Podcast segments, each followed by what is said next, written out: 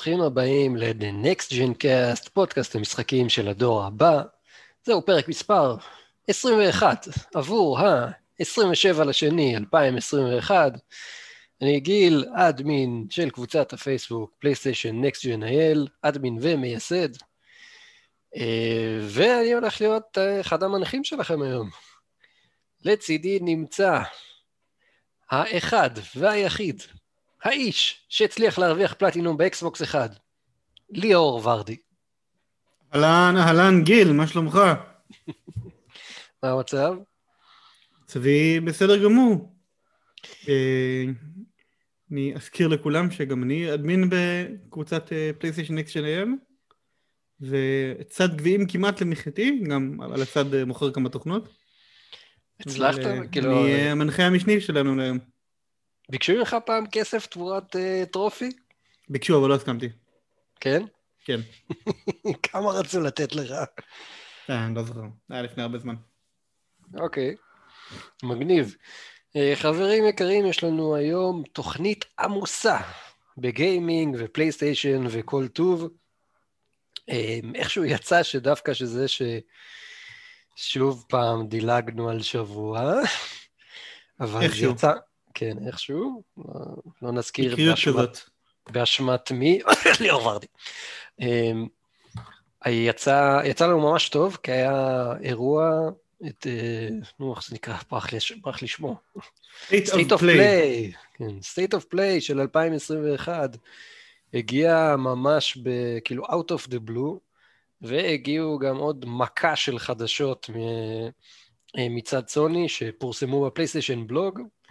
היה לנו גם את הבליזקון, ובקיצור, אנחנו מיד נתחיל להיכנס לזה, לא לפני שנגיד לכם איפה ניתן להקשיב לנו עוד בנוסף.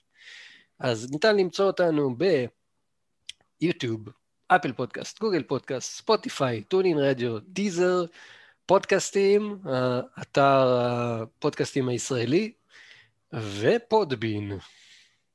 נכון ליאור? כן, כן. אז uh, without further ado, uh, בואו בוא נצלול פנימה.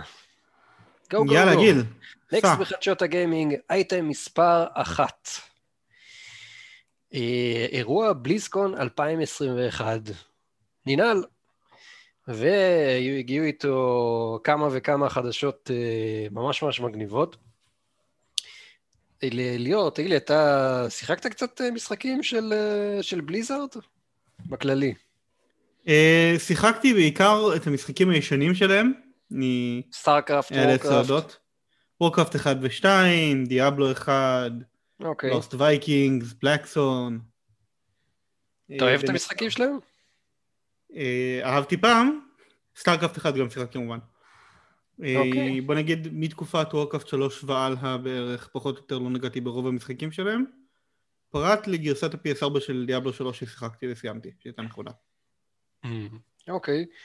אז אתה פחות או יותר כמוני, אני, למרות שקצת הייתי, אני תמיד במקור חובב מושבע של משחקי אסטרטגיה, אז אה, סטארקראפט אה, הייתי משחק לא מעט, היה לי איזה חבר טוב מבריטניה, שהיינו משחקים אה, בזוגות, והיינו לא רעים.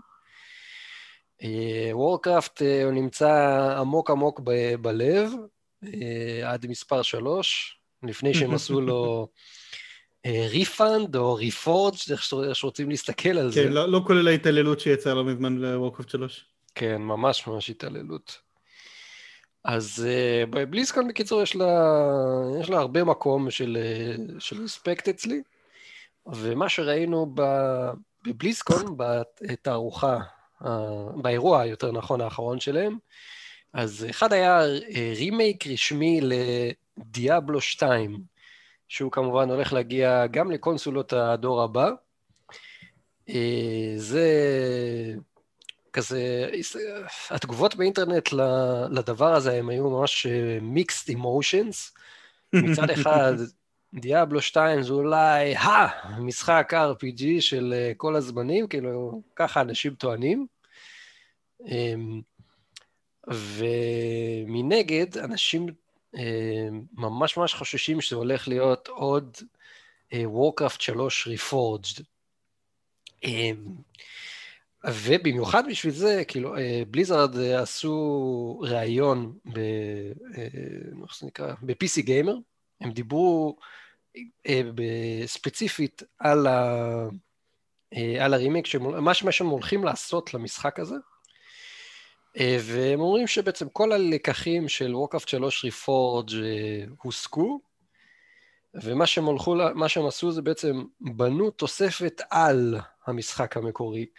ככה שכל הפיצ'רים הישנים אה, עדיין נמצאים שם, ואנחנו פשוט נקבל את, פחות או יותר את המשחק המקורי על שלל ה-DLC שלו, עם אה, בוסטים בפרפורמנס ובוסטים גרפיים.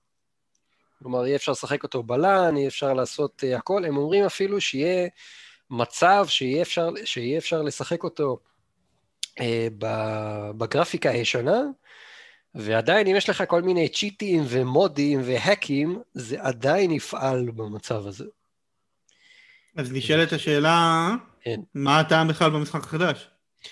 המשחק החדש קודם כל הולך להביא את אחד ממשחקי ה-RPG אה, הכי ידועים בכל הזמנים, הולך להביא אותו לקונסולות, לקונסולות הדור הבא והדור הנוכחי.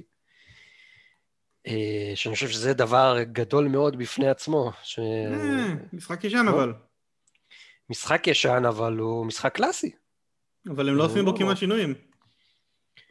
מה הרווחנו בזה? הם עשו לו מודרניזציה. כאילו, הביאו, שיפרו לו את הגרפיקה, את הביצועים. גרמו לו לראות משחק מודרני, אבל השאירו את הקור של הגיימפליי נשאר אותו דבר, המשחקיות שם אותו דבר. זה יכול להצליח, אתה לא חושב? יכול להצליח בוודאות, כי כולם זוכרים את דיאבלו 2 לטובה, אבל... נכון. זה נשמע נורא נורא תמוה כל הסיפור הזה. למה? זה בליזרד מסחטת כספים, זה הכי קל אה, לסחוט... כי אם כבר עושים רימייק למשחק שהוא בין כמה משחק כזה? 20 שנה? יותר? 20 שנה. 20 שנה. אז אה, צריך יותר מרק לחדש לו את הגרפיקה. כאילו, עם כל הכבוד. אה, אני חושב שהם פשוט קצת נזהרו, לא... הם הלכו על ביצים שם קצת, בגלל כל הפיאסקו עם וורקאפט 3 ריפורג'ד. אני חושב שזה בדיוק מה שקרה שם. עוד פעם, אם הם יציעו עוד פעם אה, סוג של remaster slash remake כזה, אמ, ויפשלו אותו כמו שעשו עם Reforged, אה, אז אה, אני חושב שזה יהיה להם, זה יעשה להם קצת נזק. קצת. קודם כל זה יעשה להם הרבה נזק, לא קצת, אבל זה עדיין, זה נשמע כאילו הם הלכו יותר מדי לכיוון השני. כאילו, תראה, הבעיה עם Reforged לא הייתה שהם ניסו לעשות רימייק לוורקאפט 3. הבעיה שהם הבעיה עם Reforged זה שהם לא עשו כמעט כלום לוורקראפט 3 והורידו את רוב נכון. הפיצ'רים שהיו עליו. נכון. אז הם כאילו הוציאו רימייק שהוא גרוע יותר מהמשחק המקורי. ולא רק זה, הם החליפו את הזכאות שלך למשחק המקורי למי שכבר קנה אותו, בזכאות ל Reforged במקום. נכון, כן, אי אפשר להוריד שזה היה הדבר הכי נורא שהם עשו שם. כן, אי אפשר להוריד מבאטל נט יותר את המשחק המקורי. אתה צודק. אז uh, אני לא מאמין שהם יגיעו לרמה הזאת, אבל זה, אף אחד לא אמר שהם צריכים לדבוק ב-100% לאיך שהמשחק המקורי היה. מבחינת גיימפליי כן, חשוב שזה יהיה כמה שיותר דומה, אבל זה לא צריך להיות אותו קוד. וזה לא צריך להיות אותה או, או אחד לאחד בדיוק אותו חוויה, זה צריך להיות חוויה מודרנית על בסיס המשחק המקורי. זה מה שרימק בדרך כלל עושה. אבל אני חושב שזה בדיוק מה שהם עושים. אה, טוב, נחיה ונראה, נראה איך זה ייראה. אני לא התרשמתי בינתיים. אוקיי, אה, את האמת ממש ראיתי באינטרנט זה mixed emotions, מצד אחד זה וואו גדול ואנשים עפו על זה לגמרי, מצד שני אה, שלא יעשו את אותה טעות פעמיים. אז זה אחד, שתיים, אה, נחשף עוד class בדיאבלו 4, class הרוג, דמות די ורסטילית עם סוג של הכלאה בין אסאסין מדיאבלו 2, סליחה, דיאבלו 2 לורד אוף דיסטרקשן, ל demon hunter מדיאבלו 3. אם רוצים להשתמש במלכודות ו shadow magic זה אפשרות, אם רוצים אה, לתקוף מרחוק אז יש חרבות, פגיונות וחץ וקשת.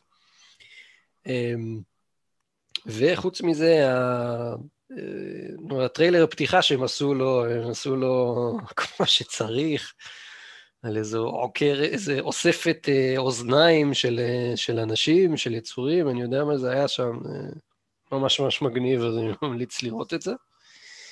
ראית את זה, ליאור? אה, לא, האמת שלא ראיתי את זה. הריביל אני טריילר חייב של לדעת הרוב. שבאופן כללי לא כל כך עקבתי אחרי החדשות מבליטקון, ואני אוקיי. שומע על זה ממך בפעם הראשונה. אוקיי. אה, זה היה מגניב, אה, כמו כל ה... אם יש דבר אחד שהחברה הזאת יודעת לעשות, זה טריילרים סינמטיים. אז אה, חוץ מזה היה עוד פרטים על ה-PVP של אה, דיאבלו 4. אה, אה, לא, לא נהיה חייבים לשחק עם שחקנים אחרים אם לא רוצים. אה, כלומר, לא, אה, לא יהיו ריידים אה, style דארק סולס ובלאדבורן שבאים... רגע, זה דארק סולס? זה לא נקרא ריידים, זה נקרא invasions. invasion, סליחה. כן, סליחה, סליחה. raid זה משהו אחר לגמרי. כן. אז זה לא יהיה invasion שמישהו בא ואחרי שפירקת שם איזה בוס ונשאר לך שום דבר, ואז הוא מוריד אותך בשנייה וחצי, אחרי איזה משחק של שעתיים. אה, יהיו אזורים אה, ייעודיים למלחמה אחד בשני אה, ואחד עם השני, בשם Fields of Hatred, שזה שדות שנאה. אה, לא חייבים כמובן להיכנס אליהם, אפשר לשחק את כל המשחק סוליקו, סולו, אבל אם כן בכל זאת בחרתם להיכנס לשדות האלה, אז אפשר למצוא שם לוט מגנית, לוט, סליחה, לוט מגניב בדמות קורנסי כזה שנקרא Shards of Hatred. אה, מרוויחים, מרוויחים את המטבע הזה באמצעות סיום של איבנטים, הריגת מפלצות אה, וכולי. אה, ועל מנת לממש את המטבע הזה צריך, אה, מה שנקרא, לטהר אותו. צריך ללכת לאיזה סוג של אה, כל מיני מזבחים כאלה שפרוסים אה, ברחבי המשחק, ובזמן שאתה עושה את הטקס וודו שלך, סוג של, אז אה, המשחק וודו, מסמן וודו, אותך... וודו, וודו, וודו. כן. אז המשחק אה, מסמן אותך בתור אויב, לפי, מה שהבנתי, ואז אנשים אחרים יכולים לבוא ולהרוג אותך ולזכות בשלל אה, שאספת בעמל רב ודם ויזע, טוב, שזה נחמד מאוד. נשמע קצת הזוי, אבל סבבה. אה, עכשיו, חוץ מזה, היו עוד קצת אה, חדשות על אה, משחק הקלפים הרדסטון, שאני קצת פחות, קצת פחות מכיר. הוכנס שם משחק חדש, משחק, מצב משחק חדש בשם מרסנריז ואקספנשן חדש בשם Forged in Barons. אה, היה עוד משהו על World of Warcraft, אבל אני חושב שזה קצת מחוץ לסקופ שלנו, כי הוא לא מגיע לקונסולות, הוא כנראה כן, מן הסתם, לא לא-. גם לא לקונסולות הדור הבא. כן. אה, היה עוד איזה משהו על אה, Overwatch 2, היו שם איזה אה, תמונה, איזה טיזר של ריילגן, של אחת הדמויות. אני גם קצת פחות בקיא בזה, אז אני חושב ש... זהו פחות או יותר, זה מסכם את הידיעה הזאת. טוב, ציון מ-1 עד 10 לבליזקון? על הדברים שראיתי, אני חושב שאפשר לתת לזה שמונה. וואלה, מרשים. נקסט. טוב. אז נקסט לידיעה הבאה. אה, סרטון State of Play חדש שמפוצץ בהכרזות ועדכונים למשחקי פלייסטיישן סטודיוס אה, הוכרז ושודר יום למחרת ב- בלילה שבין אה, רביעי לחמישי או שחמישי לשישי? רביעי לחמישי. נכון? אה, כן, כן, כן. בלילה שבין רביעי לחמישי, והוא היה מלא בהכרזות ועדכונים של משחקי צד א' וצד ג'. אז אה, אספתי לנו בבולטים קצרים את כל עשרת ההכרזות, נעבור עליהם בזריזות, ואחרי כל אחת מהן תגיד לי מה דעתך.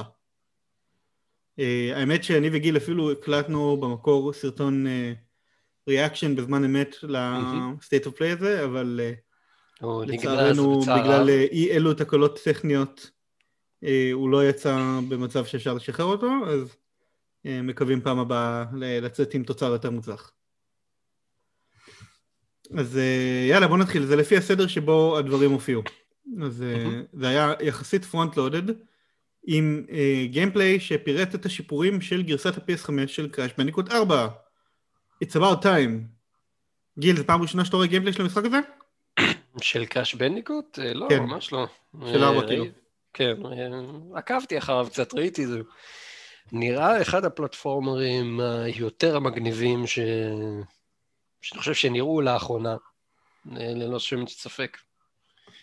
כן, אה, הם כבר הכריזו כבר קודם לכן שזה גרסת PS5 שתצא, והיא תהיה ב-12 למרץ, ועם שדרוג חינם למי שקנה גרסת ה-PS4, כלומר אני בין השאר.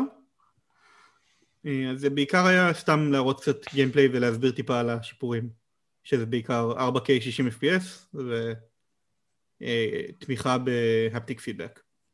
ו-3D אודיו גם, כל ה... אה, 3D אודיו פחות מעניין לדעתי. אוקיי. אה, gameplay חדש של Returnal, האקסקלוסיבי של סוני. שמגיע ב-30 לאפריל, שבו האסטרונאוטית אה, Selene, או יותר נכון טייסת חלל Selene, מתנגשת ב... יותר נכון, לא מתנגשת, אלא נוחתת נחיתת אונס לתוך אה, כוכב לא נודע, והיא תקועה ב-time loop שבו היא צריכה לחקור את העולם ולצאת מהלופ. אז אה, גילינו בגיימפליי החדש שכחלק מהדברים שאתה תיתקל בהם בזמן המשחק, זה יכלול גם זיכרונות של סילין עצמה, או עיוותים של הזיכרון של סילין עצמה, שהכוכב מממש עבורה למציאות, והיא תצטרך להתמודד עם דברים שקרו לה. וגם ראינו שם גם אלמנט של אה, first person, של אה, מבט מ- מגוף ראשון, שזה גם נראה כן, אתה נחמד. חושב שזה יהיה ב-first person בחלקים האלה? לא נראה לי, לא-? לא מה שאני לקחתי מזה.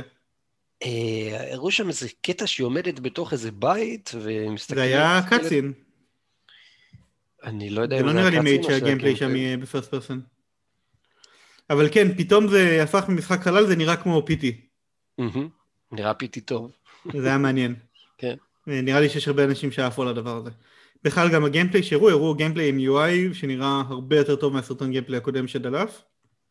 אה, אני, אני מאוד, מאוד רוצה לשחק את המשחק הזה. כנ"ל, כנ"ל בהחלט.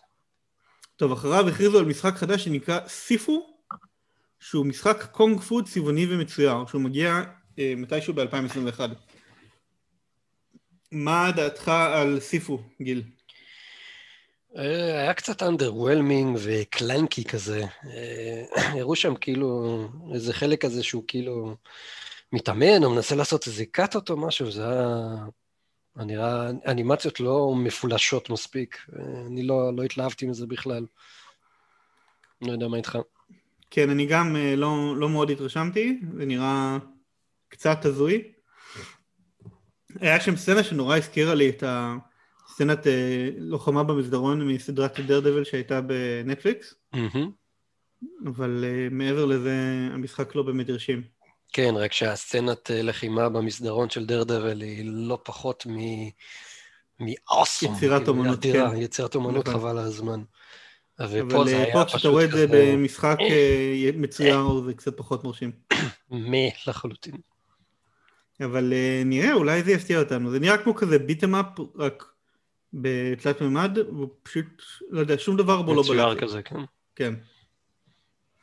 מה המשחק הבא? אה, אחריו הכריזו על משחק בשם Knockout City, שהוא סוג של Overwatch, רק שבמקום לראות אחד בשני הם משחקים מחניים. אז הם זורקים כאלה כדורי מחניים אחד על השני, team נגד, אה, קבוצה נגד קבוצה נראה, מהמם. ועם כל מיני יכולות מיוחדות, כמו area of effect אה, attacks עם כדור מחניים. זה יכול להיות משחק נחמד שאולי אה, ילדים, אה, שאולי הוא פונה- יפנה יותר זה- לילדים. זה נראה לי מה זה לא מעניין, אפילו לא כן. בקצת. זה כל הזמן הז- הזכיר לי את הסרט הבלתי נשכח, דודג'בול, עם בן סילר. נכון, If לחלוטין, you can dodge a wrench, you can dodge dodgeball. לחלוטין מסכים איתך. אני זוכר שהוא זורק עליו מפתח ברגיל. כן. כן. אה, אחרי זה ראינו קצת gameplay מהמשחק החדש של הצוות שעשה את Hyper Light Drifter, זה היה משחק אינדי מאוד מוצלח, שנקרא Solar Ash, שכבר הוכרז בעבר, אבל עכשיו אה, סוף, בפעם ראשונה שבעצם רואים gameplay שלו. אה, גיל, מה חשבת על Solar Ash? הוא נראה קצת אה, כמו The Pathless על סטרואידים. נכון, אני, ו, ויחד עם זאת, אני חושב שאני יותר התלהבתי מפאפלס מהמשחק הזה, מסולר שהוא נראה לי קצת יותר אבסטרקטי כזה מ-The Pathless, או כאילו, קצת יותר, לא יודע, צורות כלליות כאלה, שזה סתם זרוקות שם, אני לא יודע כל כך ל... לשים על זה את האצבע. פפלס היה נראה כמו יצירת אומנות של ממש, מה שאתה נראה, כאילו, מרשים כזה, עם צבעים שקופצים לך לעין, ופה זה נראה, נראה קצת ערבוביה כזאת. טוב, ואחרי זה ראינו גיימפליי ראשון של Five Nights at Freddy's Security Breach, שגם הוא מגיע ל-PS5 והוכרז בשנה שעברה באותו איבנט יוני של uh, The Future of Gaming. מה אתה חושב על Five Nights at Freddy's Security Breach? אה, וואו, נראה קריפי ברמות. הארנב הזה והעיניים שלו שזוהרות בחושך. כן, שיחקת ב-Five Nights at Freddy's? אתה מכיר את הקונספט? לא, לא מכיר. באמת? לא, לא שיחקתי. טוב, אה, אז אני גם לא שיחקתי, אבל בלתי אפשרי להתחמק מהמשחק הזה, אז את הקונספט אני מכיר טוב מאוד.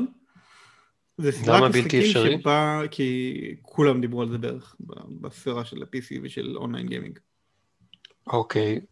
אבל זה משחק single אה, player שבו אתה משחק security אה, guard באיזשהו חנות צעצועים כזאת, וכל הרובוטים בחנות הם כאלה רובוטים מפחידים שהם קמים לתחייה בזמן המשמרת שלך, ואתה צריך לשים לב ולעבור למצלמת אבטחה הנכונה כשהרובוטים קמים לתחייה בשביל להדוף אותם.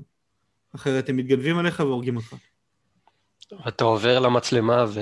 ומה? אז אתה כזה עובר בין מצלמות, זה עיקר הגיימפלי של המשחק. פה זה נראה שהוא קצת יותר אינטראקטיבי וקצת יותר first person שאתה צריך ממש באופן אקטיבי לשחק סטלס ולברוח מהם ולהגיע לאיזה שהם מקומות. אז זה נראה קצת יותר משמעותי ממשחקים קודמים בסדרה. אוקיי. מוצלח סך הכל אה, משחק? אה, זו סדרה מאוד אה, מפורסמת עם... שהרבה מאוד אנשים אוהבים אותה, אז אני מניח שכן, אבל אישית לא אוקיי. שיחקתי. נבדוק מה זה הדבר הזה. אחריו היה gameplay חדש של Oddworld Soulstorm, שניתן לו גם תאריך יציאה סוף סוף של השישי לאפריל. אז מה אתה חושב על Oddworld Soulstorm של לורן לנינג? אמ, אני חושב ש... זה אחד המשחקים שמראים אותו הכי הרבה מאז החשיפה שלו ב-State of Play שנה שעברה, ואני לא כן, מצליח אה, להבין למה. ואני לא מצליח להבין למה. קוראים לזה 2.9D. אחד המונחים הכי פרטנצ'ט ששמעתי אי פעם. אוקיי, באמת לא שמתי לב שאמרו את זה. אה, בכל מקרה, הקונספט של אודוורלד אה, באופן כללי, זה ש-A בדמות הראשית אה, מנסה לחמוק מאיזשהו תאגיד רשע שעבד את כל הגזע שלו, ועל הדרך הוא מנסה לשחרר ולעזור לכמה שיותר מהחברים שלו לגזע. והוא, והוא עושה את זה לכך שאתה משתמש בכל מיני כאלה תנועות מיוחדות עם ה... של פנטומימה, יש לי כאלה משפטים מוזרים בג'יבריש, בשביל לתקשר איתם ולהגיד להם לבוא אחריך ולעזור לך. זה סוג של כזה חצי למינגס כזה, כי זה פלטפורמר עם פאזל אלמנטס. אה, Lemmings זה קלאסי. אז אה, עשו לא מזמן remake אה, ממש from the ground up לחלוטין של המשחק המקורי שקראו לו New and Tasty וזה סוג של המשך של זה. כלומר זה רימייק של, אה, אני חושב, של Abe's Exoddus, שזה היה המשחק השני בסדרה. שהוא יצא במקור ל-Xbox המקורי. אי שם ב-2002 אולי או אחד. אוקיי. Soulstorm זה לא משחק חדש לחלוטין, אלא זה רימייק, אבל רימייק שהוא, שהוא פחות או יותר מחדש את כל המשחק. אני, דרך אגב, אני הבנתי ש-Soulstorm, אנחנו נקבל אותו גם ב-Plus מתישהו? נכון, אמרו תוך כדי גם שהוא יהיה משחק PlayStation Plus של חודש אפריל, תודה שהזכרת את זה. שכחתי לחלוטין שהם אמרו את זה. ממ. אוקיי. אה, פרטים חדשים על gameplay ועל הסיפור, פלוס תאריך יציאה ומחיר. למשחק Kena: Bridge of Spirits. שהוא, בניגוד למשחקים אחרים שנחשפו אה, בהתחלה של אה, כל, כל הטריילרים של משחקי PS5, הוא דווקא משחק שנראה ממש ממש טוב. הוא נראה פנטסטי. פלטפורמר 3D אקשן, עם כאלה יצורים שחורים קטנים שאתה עוזר להם. הוא נראה פנטסטי, ועכשיו אנחנו גם יודעים שהוא budget title, כלומר הוא לא מחיר מלא, אלא הוא יעלה 40 דולר. והוא יצא ב-24 לאוגוסט, שזה אה, חתיכת דחייה מהתאריך המקורי שהיה איזשהו התאריך המורפי של מרץ 2021, אבל בהינתן שלא היה תאריך קונקרטי אז זה לא לגמרי דחייה. כן.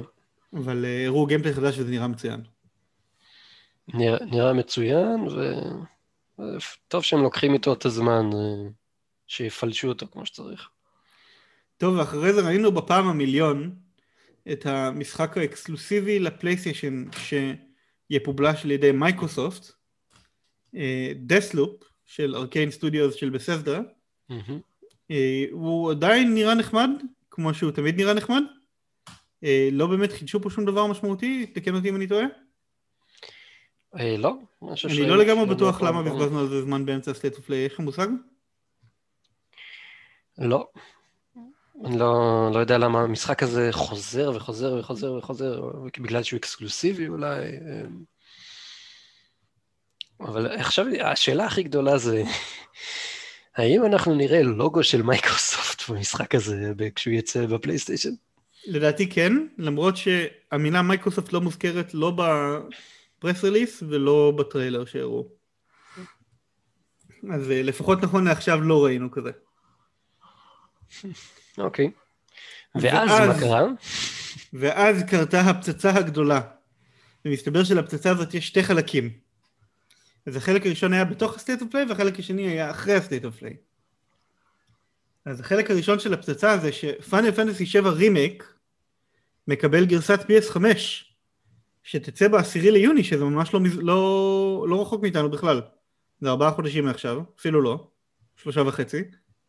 וגרסת PS5 הזאת תתמוך ב-60 FPS או במצב של graphics fidelity שילך ל-native 4K עם שדרוג בחינם למי שרכש את המשחק ל-PS4 ועם המון המון המון המון שפצורים לטקסטורות ושיפורים קטנים אה, שיפורים משמעותיים ל-loading times ושיפורים משמעותיים תוספות של haptic feedback ושל 3D אודיו ובקיצור, Oh my fucking god, כי זה המשחק בין הכי אהובים עליי בכל הזמנים.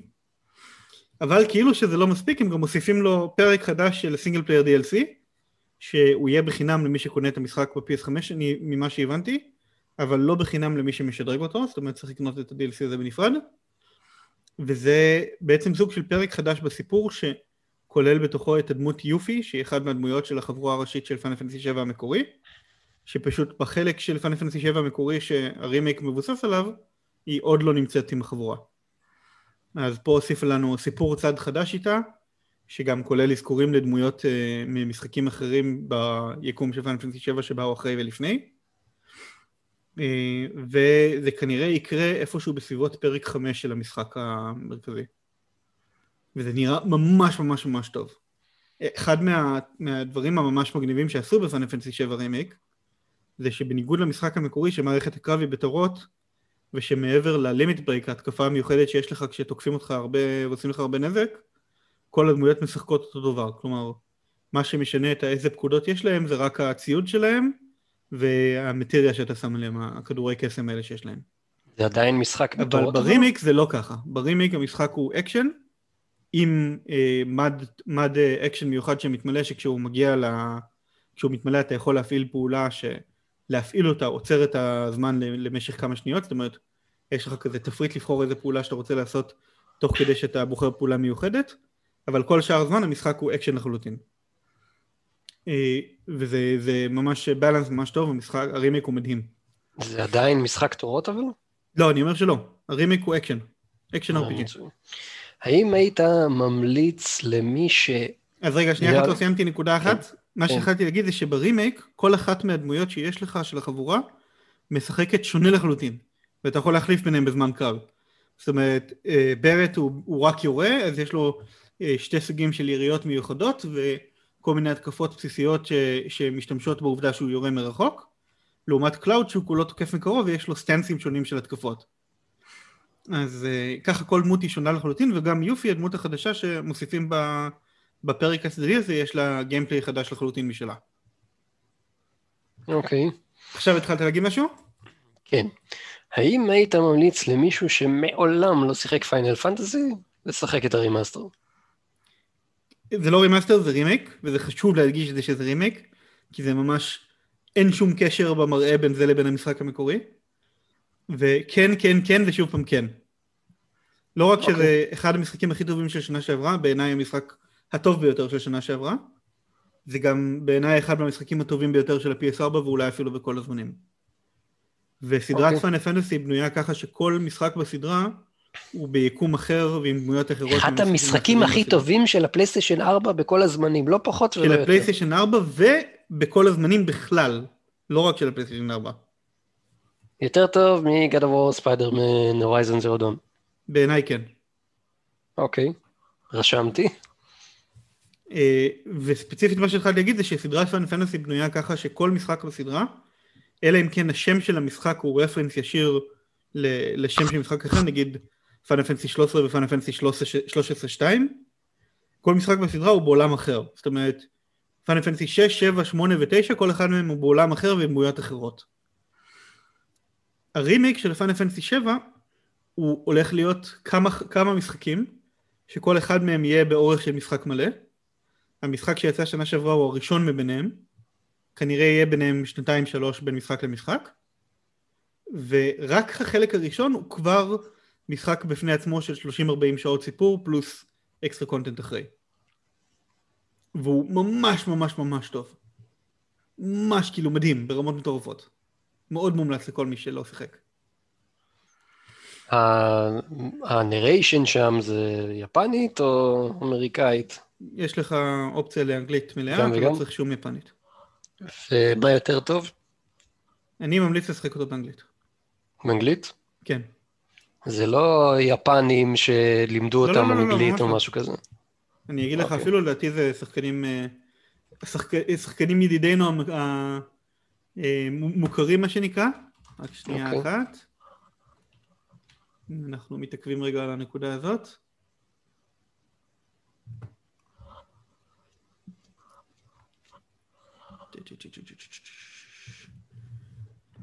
אז יש לך שם את אה, קודי קריסטיאן, ויאנה וייט, בריט ברן, ג'ון אריק בנטלי, מקס מיטלמן, טוב, קצת פחות, לא אה, כלום. פחות שמות מוק... מה... מהמוכרים הנפוצים, אבל כן יש שם שחקנים אה, voice אקטרים אמריקאים רציניים, כולם.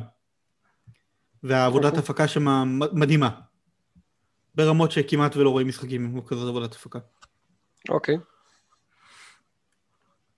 אה, עכשיו, מיד אחרי ה-State of Play, מסתבר שהיה עוד מבול של הכרזות נוספות על פאנל פנסי 7. אה, אז בין השאר הסאונדטרק של המשחק, של הרימייק, שוחרר לספוטיפיי והוא כולל 158 שירים. אה, הוכרז רימייק אחר לפאנל פנסי 7, שמגיע רק למובייל ורק ב-2022 והוא ישוחרר בפרקים, אבל הוא נראה כמו הגרפיקה, כמו הסגנון של המשחק המקורי, וגם עם קרבות בתורות כמובן, אבל עם גרפיקה קצת שונה, קצת אה, מחודשת, ועם אה, אה, מן הסתם כל ה-UI וכל הטקסט מחודש, ואולי גם יהיה לזה voice acting, בינתיים לא ברור אם כן או לא, אבל מה שמעניין שם זה שהם אמרו שהדבר הזה, שנקרא Fantasy 7 Ever Crisis, כנראה הוא יכיל את כל הקומפילציה של Fantasy 7, שזה אומר לא רק את העלילה של המשחק המקורי, אלא גם את העלילה של שני ה-prequels שיצאו לו אחריו, ואת העלילה של שני ה-sequels שיצאו לו אחריו. כי יש סרט שממשיך את האירועים של Final Fantasy 7, ויש משחק PS2 שממשיך את האירועים שאחרי הסרט, ויש משחק PSP שהוא לפני Final Fantasy 7, ויש משחק mobile שהוא לפני המשחק PSP. אז כל החמישה האלה כנראה באיזושהי תצורה יהיה אותם ב-Ever Crisis הזה, שזה מטורף לחלוטין. אה, והייתה עוד הכרזה אחת קטנה שהיא קצת פחות מעניינת, וזה שיש משחק בשם פאנל פנסי 7 The First Soldier, שהוא גם כן משחק מובייל והוא באטל רויאל. והוא 30 שנה לפני אירועי פאנל פנסי 7. אז ממש אקסטרווגנזה של אה, הכרזות של פאנל פנסי 7. אתה כולל אחת לה- שנדבר עליה בידיעה חדשותית אחרת. זהו, זה מה שרציתי לשאול אותך, אם אתה רוצה לעשות להם כבר ספוילר עכשיו. לא, לא, לא, אנחנו נגיע לספוילר נגיע? הזה בהמשך. אוקיי, מאה אחוז. אבל אה, גיל, ציון לסטייט אוף פליי. אני חושב ש... אה, ל-state of play. אה, אני חושב שהוא היה סך הכל underwhelming. אה, כי אני כאילו אני פחות מתלהב מפיינל פנטזי. אה, ראינו שם בעיקר, בעיקר משחקי אינדי, חלקם ראינו כבר 40-50 פעם לפני, אז אני נותן לו 6. שש, אז אני נותן לו שמונה, נטו בגלל ההפתעה בסוף, והעובדה ש-Returnal נראה ממש ממש טוב.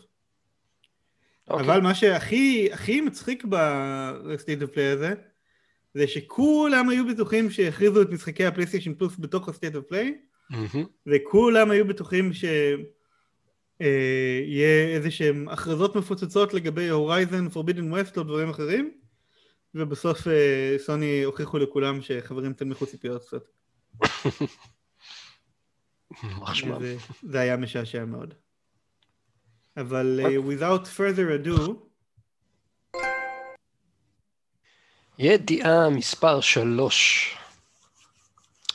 אחד המדליפים של בטלפילד מקבל השעיה מטוויטר ונאלץ למחוק את כל הסרטונים שלו מיוטיוב בנוגע לכותר הבא של בטלפילד, בטלפילד 6, או לא ידוע כל כך איך הוא יקרא בינתיים. אז כל, את כל ההדלפות שלו הוא נאלץ למחוק למעשה. זה מדליף סדרתי שאני עוקב אחריו כבר לא מעט זמן, הוא בדרך כלל אה, קולע יחסית בכל מה שקשור ל-call of duty אה, והוא ככל הנראה מקבל הוראה מגבוה, סביר להניח שם איזה מישהו מ-EA, איזה עורך דין או איזה חיה כזאת או אחרת, למחוק את כל הסרטונים שלו. אה, ובנוסף, משאים לו את החשבון טוויטר שלו, שזה די קיצוני. תגיד, זה לא קצת הזיה? השיתוף פעולה הזה בין גוגל לבין טוויטר? כי זה לא אותה חברה. תקשיב, אני חושב של-EA יכולים להגיע לכל מקום, חברה עצומה, אה, עורכי דין וכאלה, אה, יש, ישר. כן, אבל יש פה קצת אה, צנזורה וקולוז'ן, כי הוא לא באמת עבר על התנאים לא של יוטיוב ולא של טוויטר, נכון? זה נכון, כן, הוא לא... לא, לא שם שם חלילה, לא יודע, עירום, קללות, אה, נאצה וכאלה. אה, הוא פשוט הדליף. מה בדיוק הם משאים אותו? אז זה, זה, זה, מש, זה דבר שהוא בעצמו אמר שהוא לא יודע למה, אבל הוא פשוט קיבל הודעה ישירה למחוק את הסרטונים הבאים, או שפשוט סוגרים לו את החשבון, את החשבונות, וזה מה שהוא עשה. ו... זה לא מפחיד אותך קצת? תקשיב, עם כל מה שעלה, זה לא מפחיד אותי. מה שהיה עם טראמפ הרבה יותר מפחיד אותי, אבל זה כבר, אתה יודע, אנחנו נכנסים כבר לכל מיני politics וכאלה, אבל זה ממש סוג של דיקטטורה, שסוגרים uh, לבן אדם uh, חשבונות uh, Twitter, כאילו, ממש לא נותנים לו להביע את עצמו על בסיס פוליטיקה בלבד. כן. אז אה, כן, אני מסכים שזה די איום ונורא אם זו, זו הסיבה ש, שסגרו לו שם הכל. טוב, אה, אז לפני שהוא מחק את כל הדברים האלה, אני מניח כן. שמישהו תיעד אותם. כן, אז כמובן, ב... אפשר למצוא את כל מה שהוא אמר ברדיט. אז מה שאנחנו עושים, אנחנו פשוט ניתן כאן סקירה קצרה של כל הדברים שהוא, שהוא הדליף החוצה. שסביר להניח שחלקם, אם לא, אם לא כולם, נכונים. Go for it. כן, אז בטלפילד 6 הולך לחזור ללחימה מודרנית, בדומה ל-3 ו-4, הוא הולך להיות סוג של ריבוט של הסדרה, וכנראה שהולכים לקרוא לו פשוט בטלפילד. הוא הולך לקחת הרבה מאוד השראה מבטלפילד 3, הוא אחד המשחקים היותר מוצלחים בסדרה. יכיל עד 128 שחקנים ב-PC וקונסולות הדור הבא. יכיל uh, uh, השמדת קרקע, איך הם קוראים לזה? Uh, terrain destruction, uh, כמו בשום משחק בסדרה עד עכשיו, uh, לרבות היכולת להשמיד לגורמים כל בניין במשחק. טוב. כן, זה, שזה נחמד ומגניב מאוד. הסקואדים של ארבע איש חוזרים, כולל צלף, מהנדס, חובש ותוקף. battle pass או ה-DLC חוזרים עם הפרשים של שמונה עד עשרה שבועות ביניהם. cross play בין המחשב לקונסולות הדור הבא יהיה קיים, ויהיה אלמנט של free to play, שהוא ככל הנראה אה, יהיה סוג של battle royale. במשחק. Hmm, שזה, שזה מעניין. טוב. כן. תגיד לי, אתה היית משחק ב Battlefield? וכאלה? לא, לא היית משחק בכלל. לא, sorry. אני, אחת הסיבות... אני לא כל כך משחק first person shooters שהם multiplayer בקונסולות. אז אני לפני משהו כמו תשע, עשר שנים, אחת הסיבות שהוצאתי על PC, אה, אני חושב קרוב ל-12,000 שקל, היה באטלפילד 3. אאוץ', 12,000 שקל? כן. ב-DLC? אה, מה זה? ב-DLC? מה זאת אומרת? 12,000 שקל על אה, אקסטרה תוכן במשחק? לא, שהוצאתי על PC, על מחשב. אה, שקנית מחשב בשווי של... מחשב בשווי 12,000 שקל, כן. אולי אני אפילו... צוחק על הניסוח הלוקה שלך. אה, אז אה, כן, אז זה היה כאילו כולל, אה, זה היה מחשב עם שני כרטיסי מסך, זה היה בזמנו ה- שני. Crossfire! לא, כן, Crossfire במקרה הזה, שני שבע תשע שבעים Lightning, שהם היו מפלצות. ultra deluxe, GTX Titan! כן, בזמנו, אבל זה ממש היה ככה. זה היה מטורף. תסלח אני- לי על חוסר הכבוד לחברינו מגזע ה- PC master. כן, אני, את האמת, אבל יש מצב שאני כנראה אשדרג את ה... יש לי את אותו מחשב מאז, כבר כמעט תשע שנים, אני חושב. ויש מצב ש... שהוא יעבור איזה שדרוג ב lingo. המקצועי קוראים לזה עשור.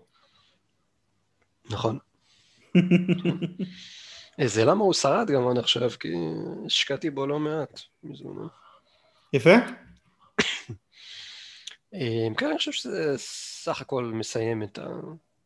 את הידיעה הזאת. נסכם אותה. אז נקסט לידיעה מספר 4. זאת תהיה ידיעה יחסית קצרה, אבל בין השאר היה גם בתקופה הזאת נינטנדו דירקט. ואנחנו מדברים עליו לא כי אנחנו מדברים על נינטנדו בפודקאסט הזה, למרות שאולי בעתיד נשקול את העניין, אלא כי חלק מהדברים שהוכרזו בו מגיעים לפלייסטיישן.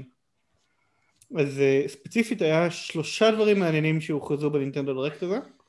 אה, אחד מהם שכחתי לרשום פה, שרלוונטיים אלינו. הראשון זה ש Ninja Gaiden Master Collection מגיע ל-PS4, Xbox One ו Switch. מה תגיד על זה? אוסף של Ninja Gaiden Sigma, שיצא ל-PS3 במקור, נינג'ה גיידן סיגמה 2, שגם הוא יצא ל-PS3, ונינג'ה גיידן 3 אה, גרסת ריל ריל אדג' או משהו כזה, אני לא זוכר בדיוק את השם של הגרסה המיוחדת, אה, שזה אמור להיות הגרסה הטובה יותר של המשחק. אה, אני אגיד על זה שזו הזדמנות טובה לחזור ולנסות את המשחקים האלה, כי הרבה פעמים רציתי לשחק אותם ואף פעם לא באמת ערכתי. אפילו שנתנו בחינם מתישהו ב PlayStation Plus את Ninja Gaiden Sigma ל- PS Vita אני חושב, לא יצא לי לנסות, וזו הזדמנות טובה. אני רק, אני רק אוסיף שאני מאוד מאוד אהבתי בזמנו את אה, Ninja Gaiden אה, סיגמה. אה, שיחקתי בזה לא מעט, זה אחד ממשחקי ה hack and slash, אני חושב בין הכי קשים שאי פעם, שאי פעם יצאו. מה שלשבור עליו, לשבור עליו שיניים ואצבעות. אז מומלץ אם אתם חובבי התעללות עצמית. אה, מגניב. ואז ההכרזה השנייה שהייתה שם שרלוונטית אלינו, זה שמשחק, אם אני לא טועה, הוא היה במקום משחק Xbox 360, Stubbs the Zombie, מגיע ל-PS4, באופן פתאומי. החיו אותו אחרי שהוא, אחרי איזה עשר שנים אני חושב.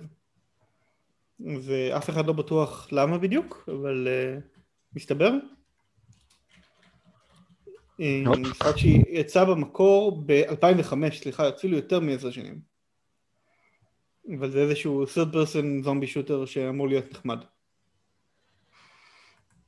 nice. אה, ובנוסף לזה, Fall Guys שהיה עד עכשיו אקסקלוסיבי ל-PS4 ול-PC, כלומר בקונסולות הוא היה אקסקלוסיבי לפלייסטיישן, הוא מגיע ל Switch ול Xbox 1, אז אה, בקרוב הוא כבר לא יהיה אקסקלוסיבי. ובזה פחות או יותר נגמר הסיפורים בידיעה הזאת. מה דעתך על העניין גיל? אה, Ninja Gaiden אני אוהב, Stubbs the Zombie, אה, קצת פחות מכיר, אז אה, אין לי כל כך מה לומר בנושא. טוב, אז בוא תגיד לנו על משהו שכן יש לך מה לומר בנושא. ידיעה מספר 5, תביעה ייצוגית נגד סוני על ג'ויסטיקים נסחפים יוצאת לדרך, וזה מגיע בהמשך לידיעה גם שפרסמנו בפעם הקודמת על מכה של אנשים שמתלוננים על uh, ג'ויסטיקים נסחפים. מה זה ג'ויסטיקים נסחפים? רק נגיד בקצרה. זה ג'ויסטיק ש... כשאתה אומר אה, ג'ויסטיק אתה מתכוון ל stick, ל analog. כן, ל analog stick. כשאני אומר ג'ויסטיק אני מתקשר, מתכוון ל DualSense במקרה שלנו. וזה פשוט ג'ויסטיק שמשדר פקודות תזוזה לפלייסטיישן, אבל אף אחד לא לוחץ על המקשים. אף אחד לא מזיז את הסטיקים יותר, נכון? במקרה הזה. אה, וחברה אה, לעריכת דין בשם, הם יסלחו לי אם אני טועה. בהצלחה. כן. Chimicles Schwartz Kriner and Donaldson-Smith. אז דווקא אני שמעתי את השם של החברה ואני יכול להגות אותה, נכון? אוקיי. Chimicles Schwartz Kriner and Donaldson-Smith. אוקיי. אז אה, שיש לה כבר תביעה שממומשת נגד אה, נינטנדו אה, על סטיקים נסחפים בג'ויקון של הסוויץ', היא עכשיו מגישה תביעה דומה נגד, על הדיול סנס נגד סוני. ליאור, מה תגיד על זה? אני אגיד שהייתה לנו שיחה בנושא השבוע, בהקשר של סרטון ששלחת לי על למה בעצם סטיקים נסחפים, שהראית בו משהו מעניין בסרטון הזה, נכון? מה הראיתי? שהמנגנון שיושב מתחת לסטיק, לא הסטיק החיצוני עצמו, אלא המנגנון. ש...